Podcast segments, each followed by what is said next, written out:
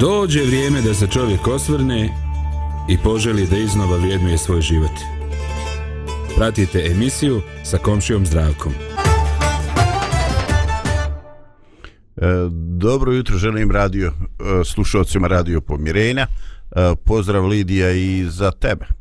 Evo ova naša, ova naša sedmica je pri kraju i htio sam da izaberemo jednu vedru temu i da razmišljamo o raznim aspektima, pojavnim oblicima i svega onoga onom što je vezano ovaj za smijeh. E, možda na samom početku, ajde ovako uh, blitz test. E, koje su, Lidija, tvoje asocijacije? E, koje su slike koje ti se ovako javljaju u umu kad e, čuješ izraz smijeh? E, napokon, ako su to i neka osjećanja, da li su ona pozitivna ili negativna?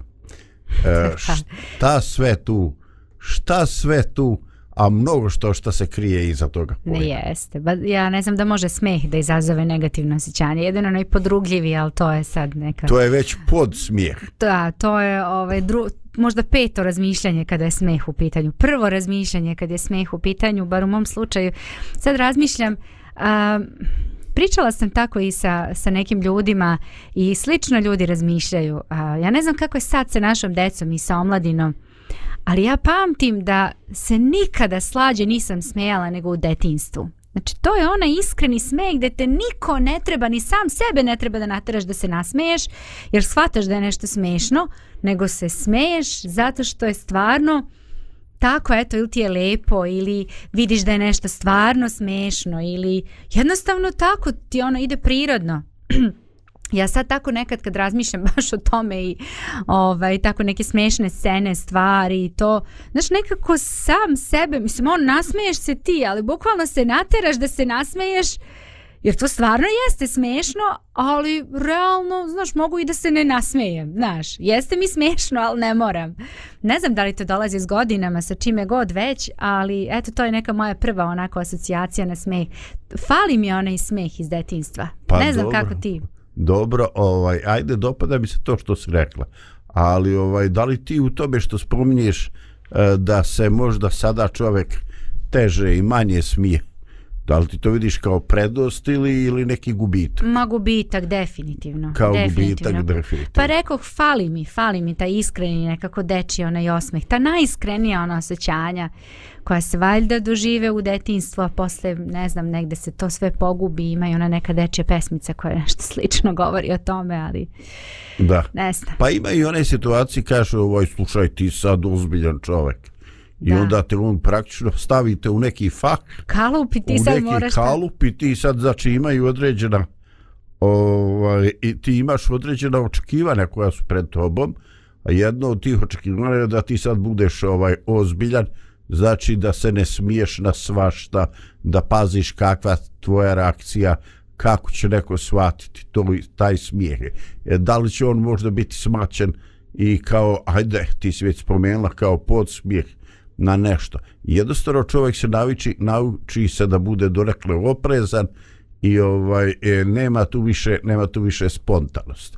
No kad se spomenula djecu, ovaj ja sam bio u prilici i mislim da nije, nije prošlo puno vremena e, preizvestnog vremena preizvestno vrijeme sam e, sreo ovaj, neko društvo baš mladi mislim da su osnovno školci ovaj, i oni su se uh, nosili su đačke torbe i eh, išli su pješice. Oni su se tako dobro smijali ovaj, da ja više ne znam uh, da li je taj razlog smijeha izgovore neposredno prije toga što sam ih ja vidio ili su oni jednostavno upali u tu fazu. Ovaj bilo je neki smiješni stvari i oni su ovaj po nekoj reakciji znači oni sad postoji više nema razloga za smijeh nego su oni smiješni ovaj sami sebi smiješna je ta situacija smiješno je život I ovaj, ali u svakom slučaju ono što je definitivno uh, Lidija njima je lijepo. A jeste, pa slažem se, vidi, ja imam uh, tinejdžerku u kući, a sin upravo ulazi sad u te neke tinejdžerske godine. Kod Eve je to već malo onako e, nije više toliko prisutno. Ali kod Filipa sad sam ponovo primetila, vraćam se ponovo u tu fazu koju sam već sa Ivom prošla, to je da počne da se smeje samo odjednom. Znači nešto pričam ozbiljno, ja sa njemu nešto objašnjavam i on samo počne da se smeje odjednom, bez ikakvog razloga. Mislim, to je ta neka faza. Jel, jel ti mene zavitlavaš? Jel ti Da, ozbiljno da. da. Ovaj, tako, to su te neke faze, ali zanimljivo je da recimo, ne znam da si ti to primetio, kad prolaziš gra, gradom i kad vidiš da neko peva ili da se smeje, šta ti prvo padne na pamet? Ne znam tebi. A meni recimo prvo padne na pamet definitivno je ili, ili ova osoba pijana ili nešto je skrenula s pameću, pa eto to tako. Peva i smeje se na putu u, u gradu.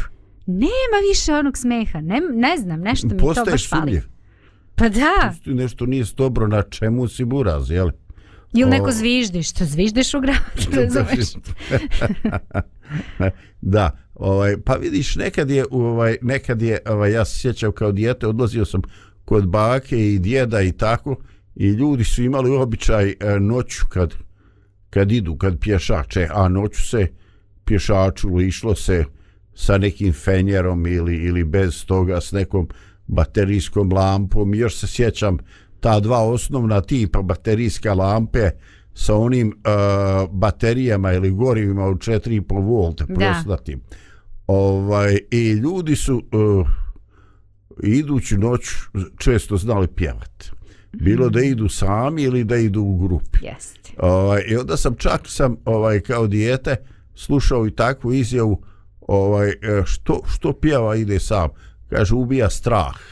Znači, Ima i toga, jeste. strah ga je. Ili da se on javi gdje je, šta je, da ovaj, izbjegne neke neželjene ovaj neželjene kontakte. E, interesantno kad se govori o tim neželjenim kontaktima, ovaj preizvesnog vremena sam e, bio gore u ovaj u, Š- u Šipovu Mhm. i ovaj vidio sam jednog ribolovca ovaj e, koji je prvo sam čuo pa sam onda vidio identifikuo da je on to s vremena na vrijeme je upalio petardu i bacio O, ovo, ja onako, Zamisli. znaš, pošto sam ja ribolovac, a to nije baš uobičajeno, znači, da. u blizini gdje neko peca nije, nije baš onako korektno ni hodati, ni skakati po Jeste, obali. baš tišina. Znači, trebaš baš onako tiho da se krećeš, jer vibracije se pronose kroz zemlju. O, šta je ome, je lud ili mu noge smrde ili to što baca petardu. I onako uljudno priđem, znaš, da ne bi bio onako uh, od, odbijen. I, ovo, ovaj, e, izvinite, reko, ovaj, baš vidio sam bacate petarda, rekao, jer ima ovdje neki specifičan razlog. I ovaj, kaže, ima, ima. A čuo sam neki kolega, kaže, da mečka šeta tu negde u okolini. Pa kaže, ja bacim petardu, jer kaže, ako se sretnemo, uplašim se ja nje, uplaši se ona mene, ali ja mogu u tome, u tome međusobnom strašenju gore proći. Da. I tako on sa svojom petardom upozori mečku da se kloni onaj njega i on nje. Ovaj, i Zanimljivo. naravno, pa jeste bilo, ali taj put u tom smjeru Njemu nije više bilo zanimljivo. nije nastavljen jer je Sanja rekla ide mi natrag, mi nemamo petardi. Jeste. Još sam treba da mečku sretnemo i, i, i, i tako. Da. I onda se ja sjetio onoga šta bi kad bi ti medijed e, sreo punicu. Ovaj, rekao, znaš ti onaj vic? Ma da, znam kaj je pričao si mi, kaže, sam, sam je napo, sam nek se snalazi. to, to, da, da. A kad smo kod tih uh, situacija ka, kako, se, kako su ljudi nekako veseliji bili neko moje primjećivanje, uh, ja se toga ne sjećam jer nisam nemam baš toliko godina, ali nekih se stvari sećam, ali sam gledala i slušala sam, pričali su mi ljudi, kad ljudi rade na polju, u nji, na njivi, nešto žanju, ne znam šta već kako to rade, Ljudi su pevali, ljudi su nekako veseli bili u svim tim okolnostima, nije im lako, ko će na plus ne znam koliko stepeni, tamo 35 možda, ne znam da su bile takve temperature nekad, kopalo jesu se, bile, ja. kopalo se. Ja sam bio kad sam premlad da bi ja znao kopat, više bi više bi tog krompira ili kuruza osjekao, ne bi bio, ali recimo napravio. dozvoljavali su mi da sušim sjero. Dobiješ neke male vile i onda okrećeš Da. te naviljke sjena da ga sunce usuši, pa kasnije ovaj e, mi smo to zvali nema štete. skupljaš u ujmove, pa u plastove, pa Jest. nosiš te plastove, pa se to tovali na traktor ili se ili se stogovi prave. Ovaj, I to mi je uvijek bilo onako nešto ovaj nešto interesantno. Zato je treba ti kaže treba dobro znati saditi stog da ne zakisne u sredini. E, da, da uzbuđa, u, ubuđa, da ubuđe. ne uđe vlaga i da Eto. se to sve ne uporedi. Da. Ovaj, a, Lidija, jer znaš za, inf- za informaciju da se žene više smiju nego muškarci? A, ne znam, nisam razmišljala o tome, ali ima mi logike. Imate logike. Da. E, ali pogledaj, e, vidi koliko je to dobro. Neko je navodno, neko je medicinsko osoblja izračunalo da smijeh povećava protok krvi za 22%, dok ga stres smanjuje za 35%. Mm, Znači, čoveče, ti kad si u, stra, u stresu, ti se sav pokočio, stisle ti se krvne žile, ovaj, ako imaš negde neki ugrušak, ne do Bog, imaš šansu da te strefi i tako. A kad se smiješ, ovaj, e, e, čak kaže da na neki način indirektan vrši se masaža ovaj, srca, da se povećava elastičnost tijela i tako. Tako da ovaj e, smijeh povećava e, imunitet, e, smijeh stimuliše cirkulaciju i poboljšava disanje. E, smijeh predstavlja dobar trening za mišiće i kad se smijete potrošit ćete 3,5 kalorije kao što je na godišnjem nivou ovaj 2 kg manje. O, E, et- pa eto to sad. sam trebala da znam ranije. da ne vežbam tamo, da se maltretiram, mučim se, daj čovječe, lakše da se smejem, onda eto vidiš, eto. Ovaj, e, ima još jedna ovako baš ozbiljna stvar. E, dakle, smijeh e, povećava proizvodnju endorfina koji ovaj e, koji je zadužen i aktivira se u borbi protiv nekih infekcija, bolesti i tako. Ovaj, I napokon onaj e, kako bi rekao, onaj društveni, društveni ovaj aspekt. Ovaj, e, ja se pitao e, zašto se ljudi pozdravljaju, zašto u, u ovim ruralnim sredinama planinskim, zašto dižu ruku ovako u vazduh jedan na drugog. I ne znam da li si ti to našla negdje, ali ja sam bio onako baš dobro iznenađen. Ovaj, u tim pustinjama gdje ima malo ljudi, mm -hmm. pružena ruka je znak da u njoj nemam ništa čim bi te mogao povrijediti. Aha, A ovaj a pošto se ljudi u tim planinskim sredinama e, mnogo su osjetljiviji na toj na taj svoj prostor integriteta. Znači oni nemaju pro, pro, potrebu da se približe kad pričaju. I oni pričaju s 10 10-15 metara. Zdravo, komšo, šta ima? Ono, znaš, galami se. pa ima logike, neće ti podići ruku neko ko drži pušku. Da. Si kad video da, da se da u filmovima, da mislim u stvarnom životu, nadam Da. se da nisi, ali znaš da ti neko digne ruku, a s druge strane drži pušku, ne znam, Da. teško. Ovaj, to su sve ovako baš, baš ovaj, interesantne stvari i ovaj uh, smijeh zaista ima ima te neke uh, E, ima taj neka ovaj uh, slojevita slojevita značenja. E sada uh, mi se uh, smijemo više u društvu nego sami. Uh, šta misliš o tome kad se čovjek smija sami? A nije ni to loše. Zašto? Zašto bi to bio problem? Kao kad jedeš sam, znaš, lepše jesti u društvu, ali jedeš i sam kod kuće. Tako da ja mislim da to ne, nekako bih ja to uporedila ovaj, sa, sa hranom i sa nekim drugim aktivnostima koje je lepše raditi u društvu.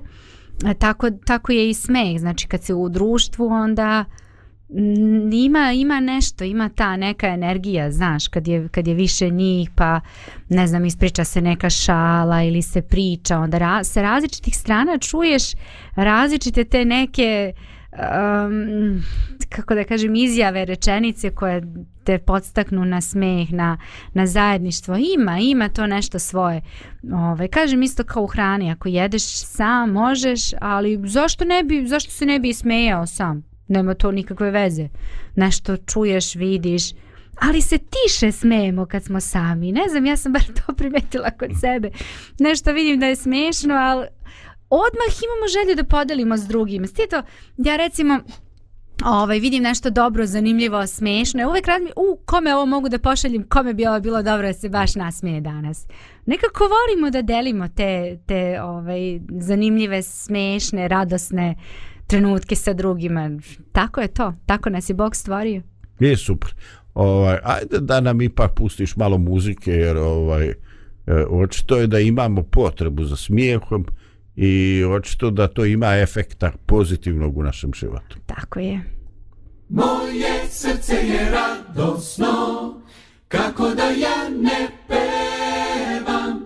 Isus mene je spasio, kako da ja ne pevam, kako da ja ne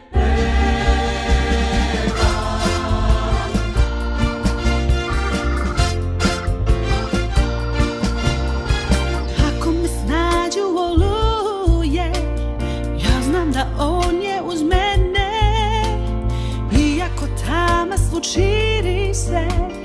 Pesma u srcu mom kliče. Čujem tad ja njegov miran glas. Ne boj se, ja sam uz tebe. I meni daje u duši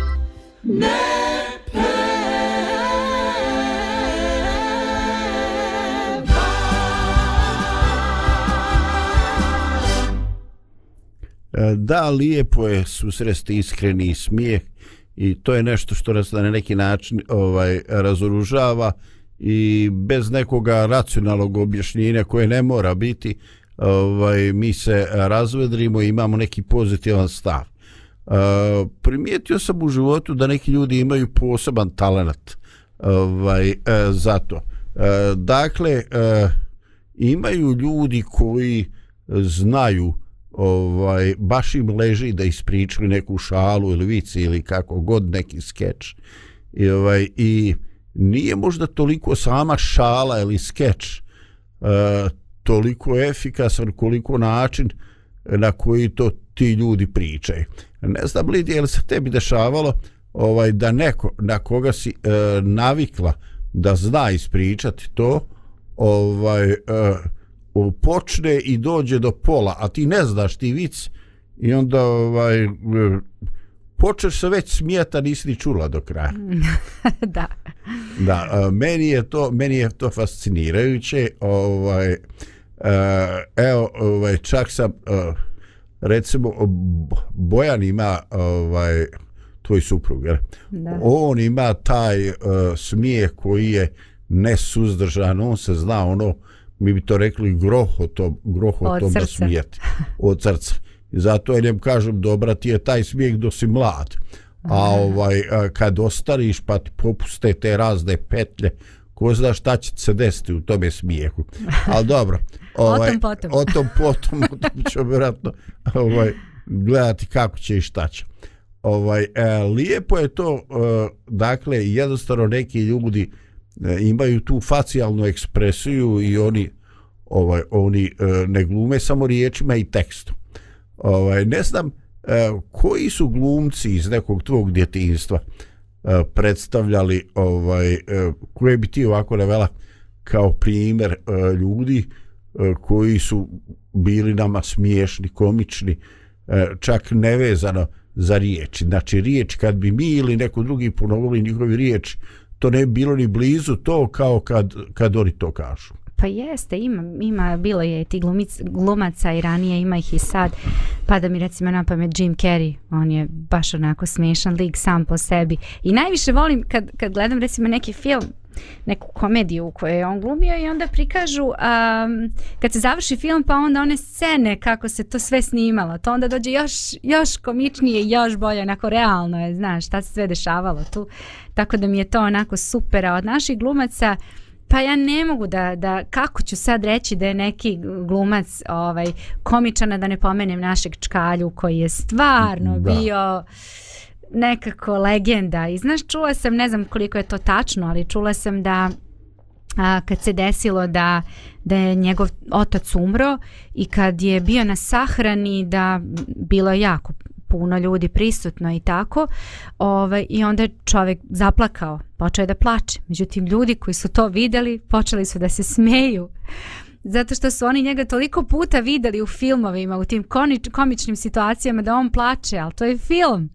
A sad čovjek realno stvarno plače i onda su tako ljudi i to se nekako uvek posle prepričavalo, ja sam čula sa više strane, ne znam da li je tačna, Da?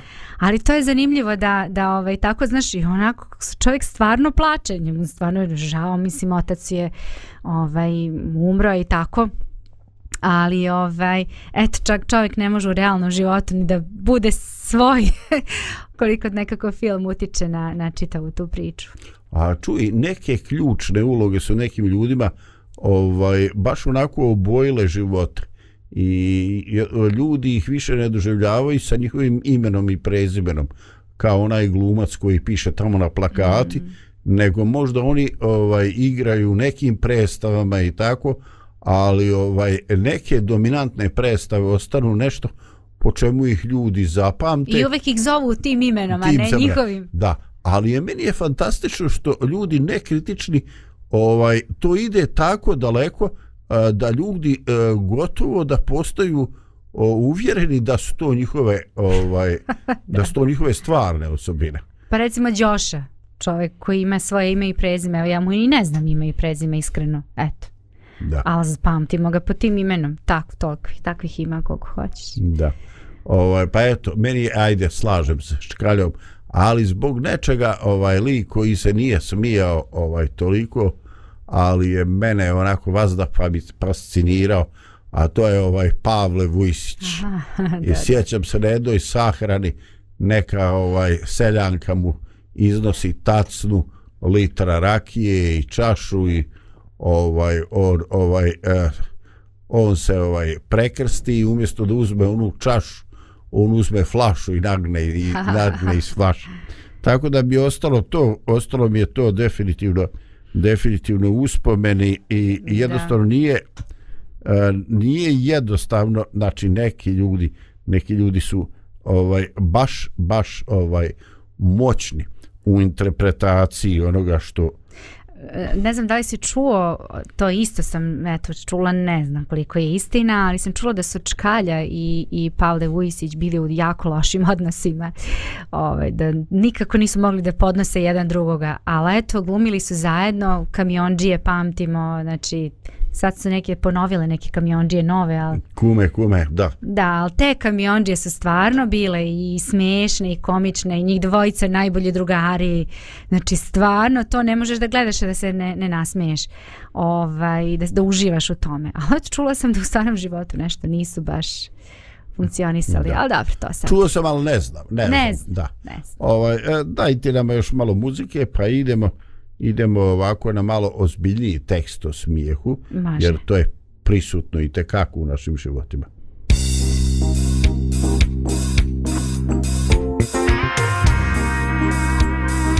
Radio Pomirenje.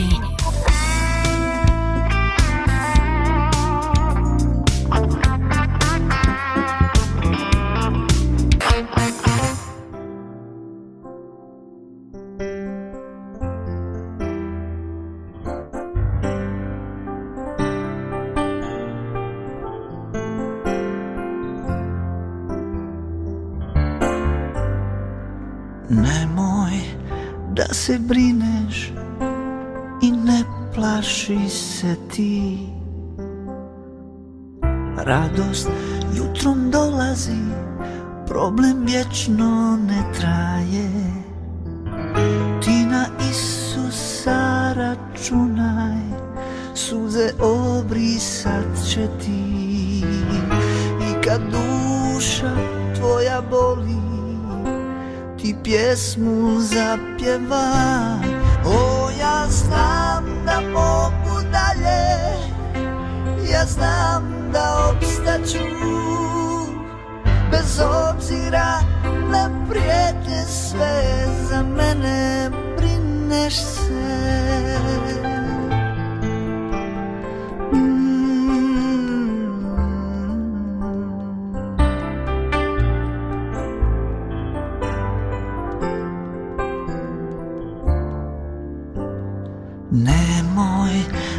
se brineš i ne plaši se ti. Radost jutrom dolazi, problem vječno ne traje. Ti na Isusa računaj, suze obrisat će ti. I kad duša tvoja boli, ti pjesmu zapjevaj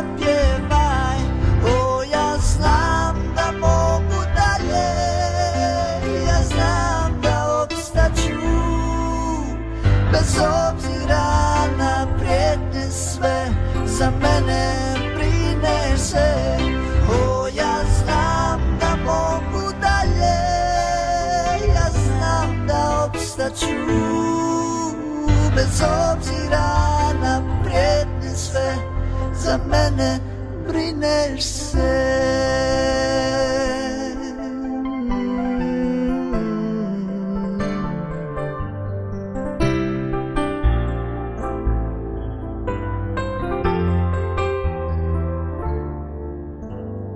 Kada kušnja dolazi Kada možda slab si ti.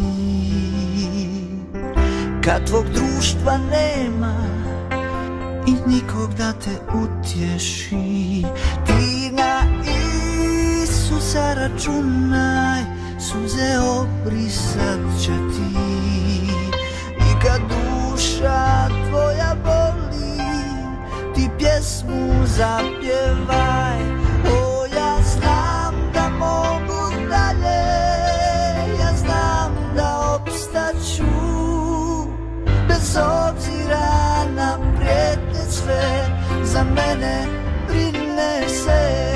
O, ja znam da mogu dalje Ja znam da obstaću.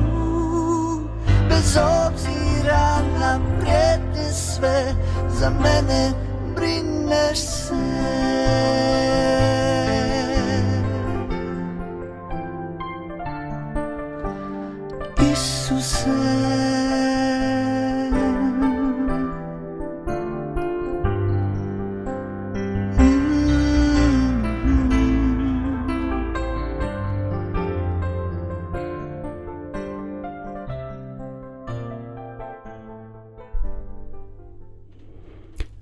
Neko je rekao da postoje dvije situacije u koje ćemo uh, veoma lako i prilično nepogrešivo prepoznati uh, dobrotu ili onu drugu stranu čovjeka. Kaže, dobrota se jako često može prepoznati upravo kroz iskreni smijeh, kroz uh, način na koji čovjek reaguje na neku situaciju. A one druge manje poželjne ljudske osobine kaže e, veoma se lako dolaze do izražaja e, kad su ljudi e, u situaciji da uzimaju nešto što je džaba, što se ne plaća. E onda ti budeš ovaj iznenađen koliko nekome treba. Kaže, grabi brate, onda mu je poslednje. E sad, da li grabi i trpa u torbu ili grabi i jede, to više nije tako bitno, ali ovaj, eh, uzimanje bez plaćanja, ovaj i smijeh bez razloga su očito krupni indikatori unutrašnjega stanja u čovjeku. E, naišao sam na jedan e, citat e, Fjodora Mihajlovića Dostojevskog e, koji baš onako e, na jedan rekao bi duboko uman način govori ovaj o smijehu, o tome fenomenu. I on, uh, ja sam taj citat podijelio na dva, tri dijela, pa ćemo vidjeti koliko ćemo imati vremena. Za smijeh je prije svega potrebna iskrenost, a zar ima iskrenosti kod ljudi? Za smijet je potrebna nezlobnost, a ljudi se najčešće smiju pakost. Iskren i nezloban smijeh znači veselost, a zar ima ljudi u današnjem vremenu veselosti, e, umeju li ljudi da budu veseli. Veselost čoveka je nevidljiva crta njegova koja ga najviše odaje. Jedan karakter dugo ne možete upoznati.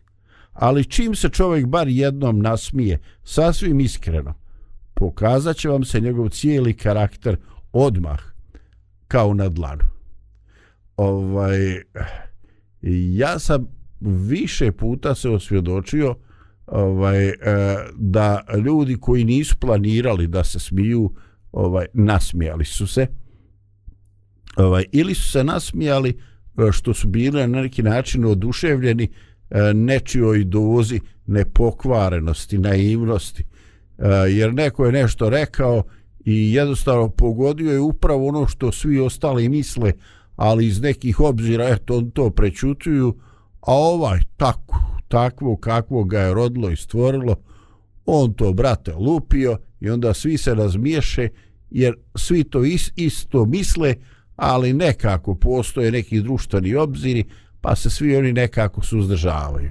E, ovaj Baja je to rekao i ljudi ga na neki način sa smijehom podrže.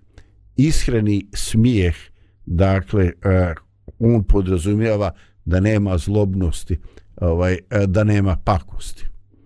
Nažalost e, postoje puno puno ovaj situacija koje sam ja u životu i doživljavao i tako i koje me ponekad e, zabrinjavaju. Ne znam Lidija koliko si puta bila u situaciji da vidiš koliko u tojim kolektivima, u školama, u razredima ovaj djeca koji bi trebali biti onako najčišća ovaj eh, koliko u stvari mogu biti eh, surova pakosna kada možda nekoga od eh, svojih eh, vršnjaka eh, izaberu odaberu ga kao metu. I onda se ovaj eto to je dozvoljeno i onda počinju da ga ismijavaju ni podaštavaju. E, da li možda što ima najgore patike u razredu, da li možda što ne može sebi da priušti neke stvari, rad toga što su im e, mu roditelji siromašni i tako.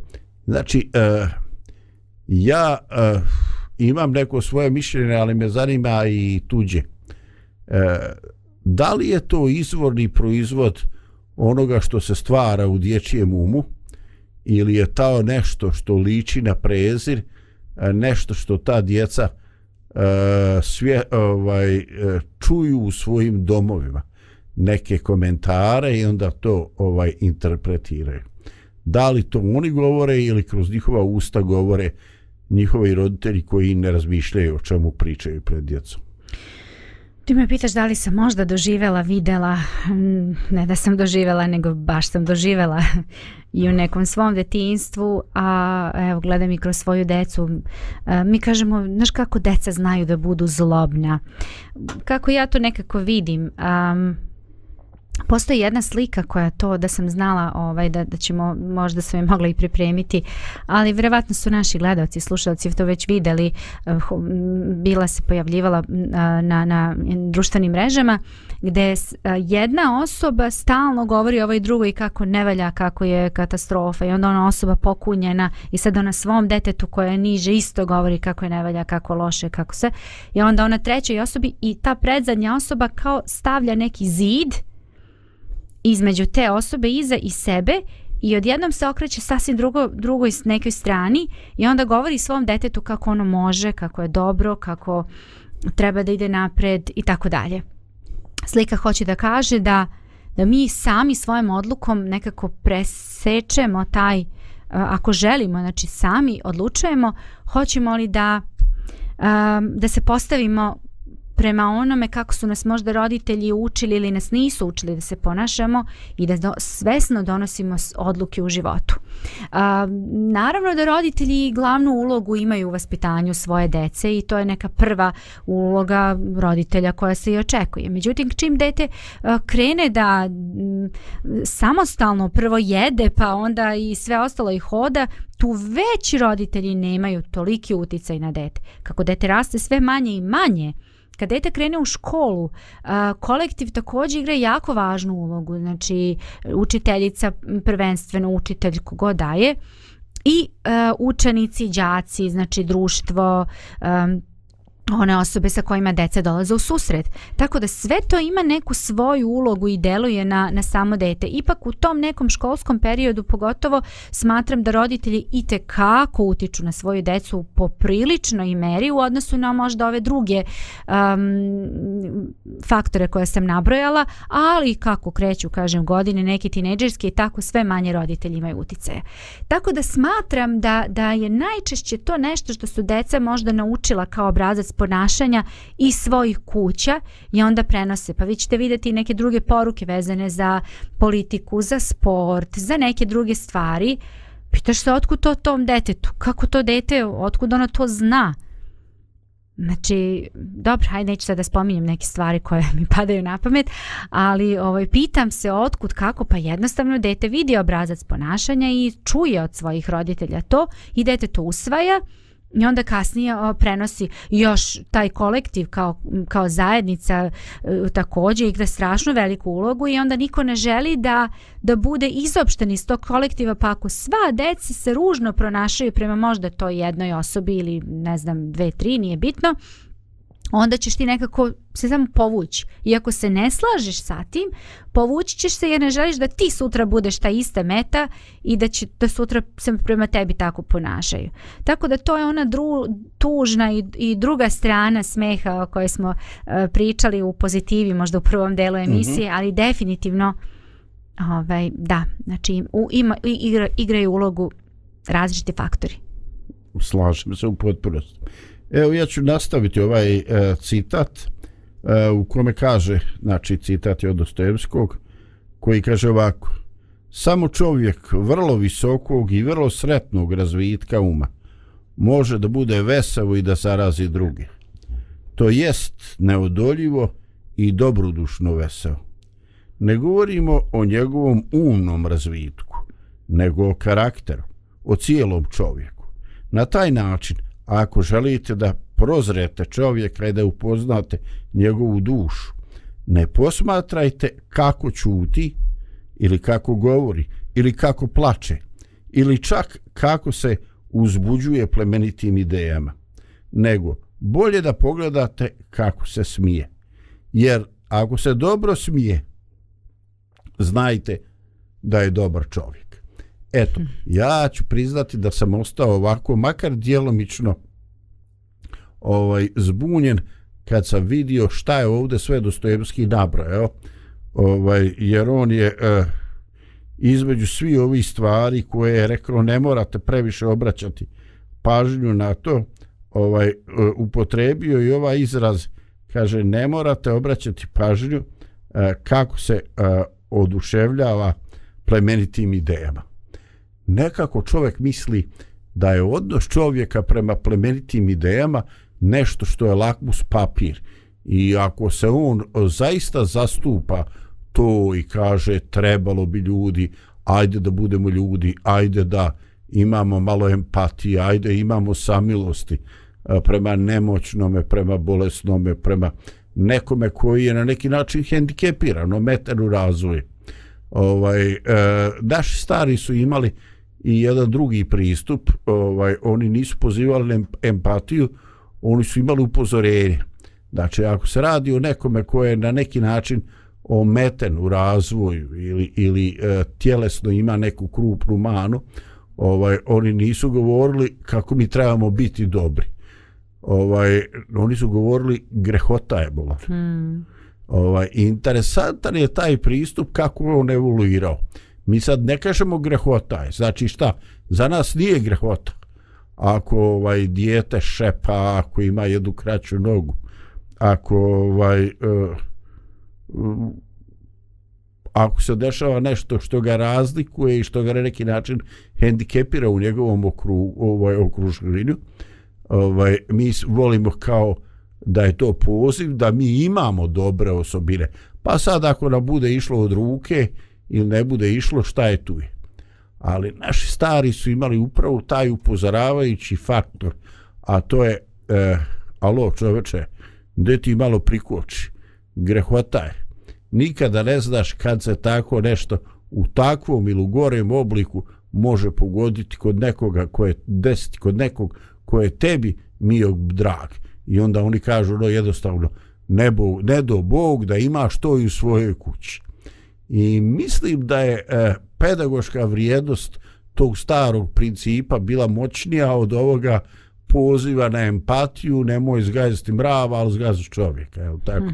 Hmm, ovaj, tako da e, nevjerovatno je nevjerovatno je e, koliko te e, ti vanjski izrazi jer neko će reći smijeh je samo facijalna ekspresija ovaj, ali nije on zaista ovaj odražava e, stanje i uma i intelekta i raspoloženje i odnosa i lični osjećaj vrijednosti i ovaj e, što šta taj smijeh ovaj govori o nama o našem uh, odnosu našem odnosu ovaj prema okolini.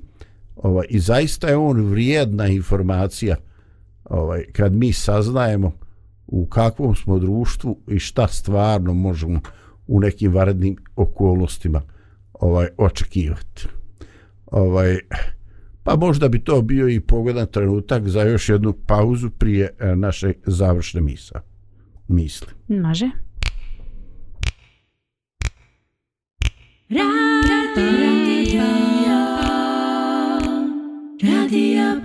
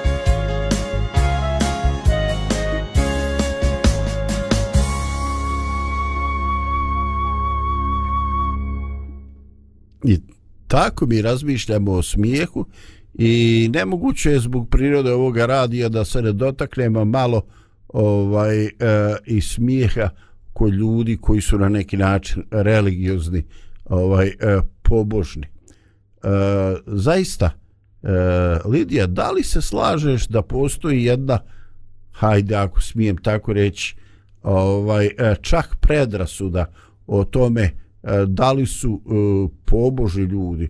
E, ljudi koji su zaista kojima su nebesa i spasenje na nekom vrhu u na njihovom vrhu životnih prioriteta.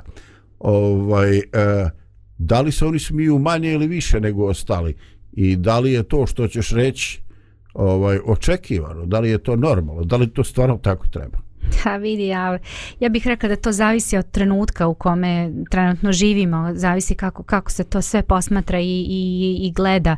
Mm, sećam se prikaza um, filmova Isusov život um, ranijih prikaza, znači pre nekih, ne znam ja koliko godina, 50, 60, 70, nemam pojma kad je prvi napravljen, ali sećam se ranije... Sjećaš se tih prije 70 godina filmova? Pa gledala sam ih kasnije. Priličio si ti to mladolika za svojih 70 godina. Kasnije sam ih gledala, tad nisam bila ni rađena. Naravno, ovaj, ali hoću reći da se sećam kako su oni, kako je Isus u tim situacijama bio prikazivan, kako je on onako ozbiljan, e, e, ozbiljnog lica, pa kada neko njemu nešto govori, to je takav neki autoritet, pa mu se polako prilazi, pa onda on kad kaže nešto, to je jednostavno duh vremena u kome taj film nastao je bio takav da su oni shvatali da je jednostavno religija bila takva i da je nekako smatrali su da Isus tako izgledao. Meni lično više odgovara sadašnji prikaz.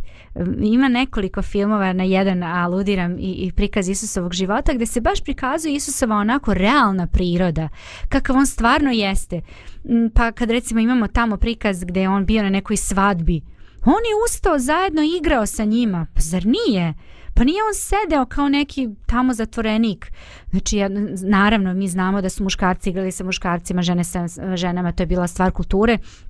I dan danas je tako u tim kulturama i to je sasvim u redu, ali hoću da kažem da je se radovao sa radosnima, kada su ljudi imali te neke situacije, bilo je, bilo je gde se on uključivao i bio radostan i tako dalje. Sa jedne strane danas evo posmatram neki kažu ako si pobožan, ti treba da budeš ozbiljan čovek, znači ta neka religioznost treba da te nekako preobrazi, da ozbiljno i razmišljaš, da se ozbiljno pomaž, ponažeš, dok s druge strane kažu, pa hej, ako ti veruješ u tog Boga i, i u Isusa, ako ti je religija sastavni deo života, pa gde je radost u tvom srcu, a ne stalno si nešto smrknut, stalno si nešto tužan.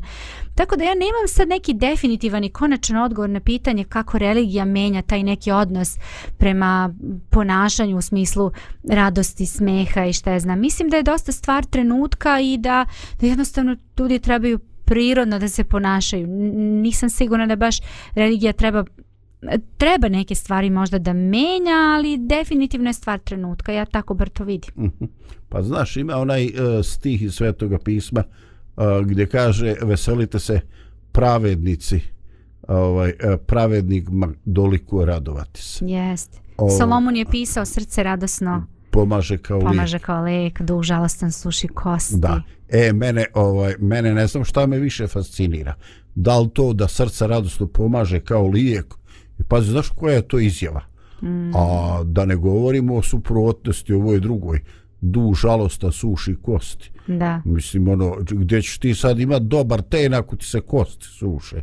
Pa Nema jest. od toga ništa. Ovaj, da. Pa tamo ja mislim da je Pavle pisao ili Jovan, uh, radujte se i opet velim Jovan mislim da je pisao. Svakda u gospodu. Ne, ali ima onaj, radujte se i opet velim radujte se. Znači, ne samo ti kažem jednom, nego baš se raduj čoveče. Kak, da dođu do glave čoveče, da, da. Da. da, skontaš. Da. Ovaj, I neko će reći da, naravno ovdje je rečeno radujte se u gospodu, jer ovaj ljudi se raduju e, rad toga što su pijani, pa onda ovaj nakon 10 minuta ovaj e, pjesme e, počnu plakati rad nečeg u životu i tako i onda mi vidimo da ni jedna od ta dva osjećanja nisu autentična ni vrijedna jer ovaj e, stigla brate rakija. Nije to nisu to sad stvarna neka duboka osjećanja, nego eto, tako trenutak, kako se pali, koji čip, tako se čovjek ponaša. I zato mi je bitno što kaže radujte se u gospodu. Dakle, Apsolutno. postoji neki neki kriterijum ovaj e, šta to znači ovaj a, raduj se u gospodu. A, kad smo već kod toga, izvini, prekidam te. Ne, Oprosti. samo izvoli. Da, va- ne dolazi mi sad misli. Ovaj, e, ra, sećam se da je bilo, evo sad, sad, sad će mi biti malo hvalite me usta moja. Dobro, sam napred.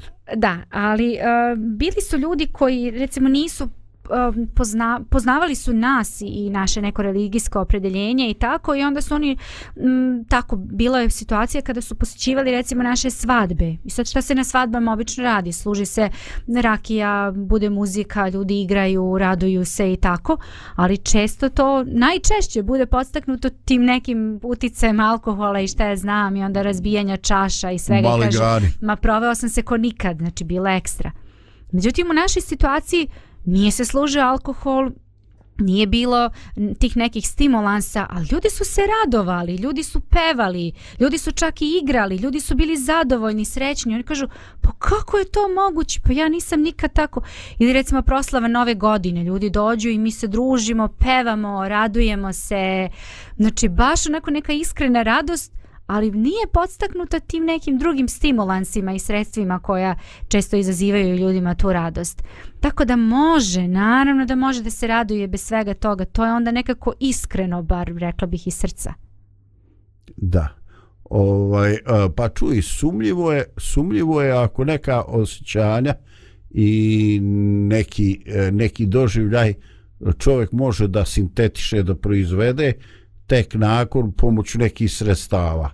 Ako on to ne može da sintetiše u svom mozgu, ako on to ne može da učini zato što gleda draga lica, radi toga što ima dobru volju, radi toga što je njegov brat se ženi, radi toga što vidi neki sretan rasplet događaja i želi da učestvuje u tome, onda je stvarno upitno ovaj koliko ljudi se osjećaju u tvojoj sreći, a ako se moraju malo cugnuti da bi to, da bi to pokazali.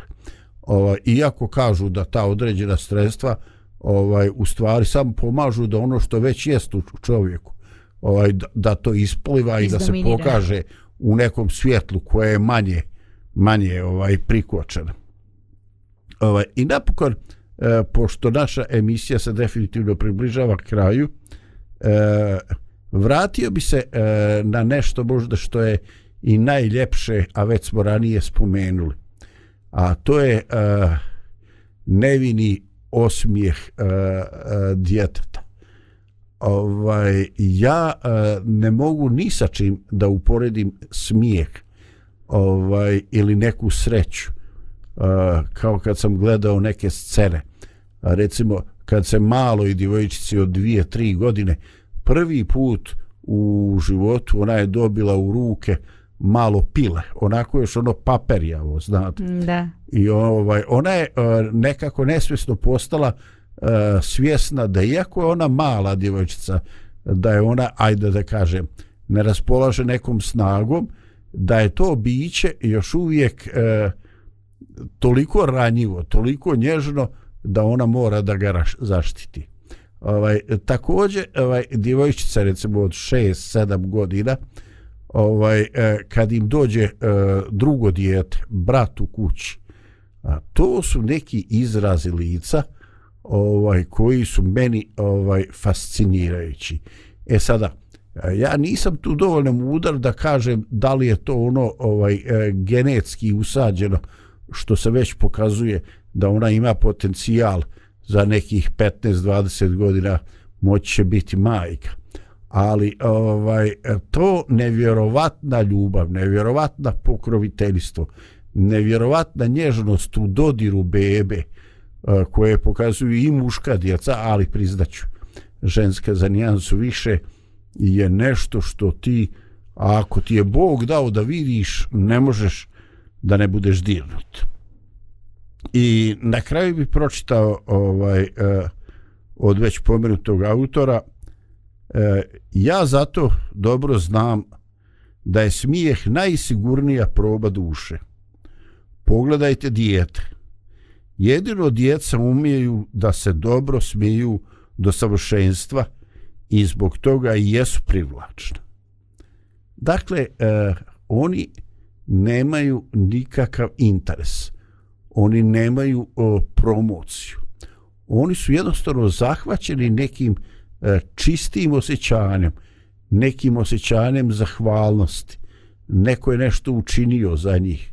E, susreću se s nečim što je ljepota. Susreću se e, sa životom. Susreću se sa nečim e, što je e, tako e, nezaštićeno i nježno, pa čak i u odnosu na njih sami i oni pokusa, pokazuju taj e, zaštitnički nagor, e, oduševljenje ovaj, i djeca nas uče i ja često razmišljam koliko je god potrebno da čovjek sazrije, da bude odrastao, da bude spreman da se nosi u životu sa raznim situacijama, pa i sa onim najgora, kad ovaj treba sahraniti nekoga najbližega. Ovaj bojim se da ništa od te e, tog sazrijevanja e, nije dovoljna naknada ako izgubimo nešto od one e, dječje iskrenosti i one dječije otvorenosti i one spremnosti da budemo radosni, da budemo zahvalni i da to znamo iskreno i na pravi način pokazati. I zato želja ovaj, za nas, za naše slušalce. Naravno, odrastite, budite odrasli, mudri ljudi. Ali nemojte dozvoliti da dijete u vama nikada umre i da ga nestane. Jednostavno u tom kriterijumu koliko ima djeteta u vama, e, ponekad će biti e, jasan znak koliko je duh Boži sačuvao onoga izvornoga ljudskoga, onoga što nas drži na neki način čini kompetentnim i podesnim kad gospod dođe da nas prebaci u carstvo nebesko. Eto, e, još jedan, jedan pozdrav i najljepše želje za sve slušalce Radio Pomirenja.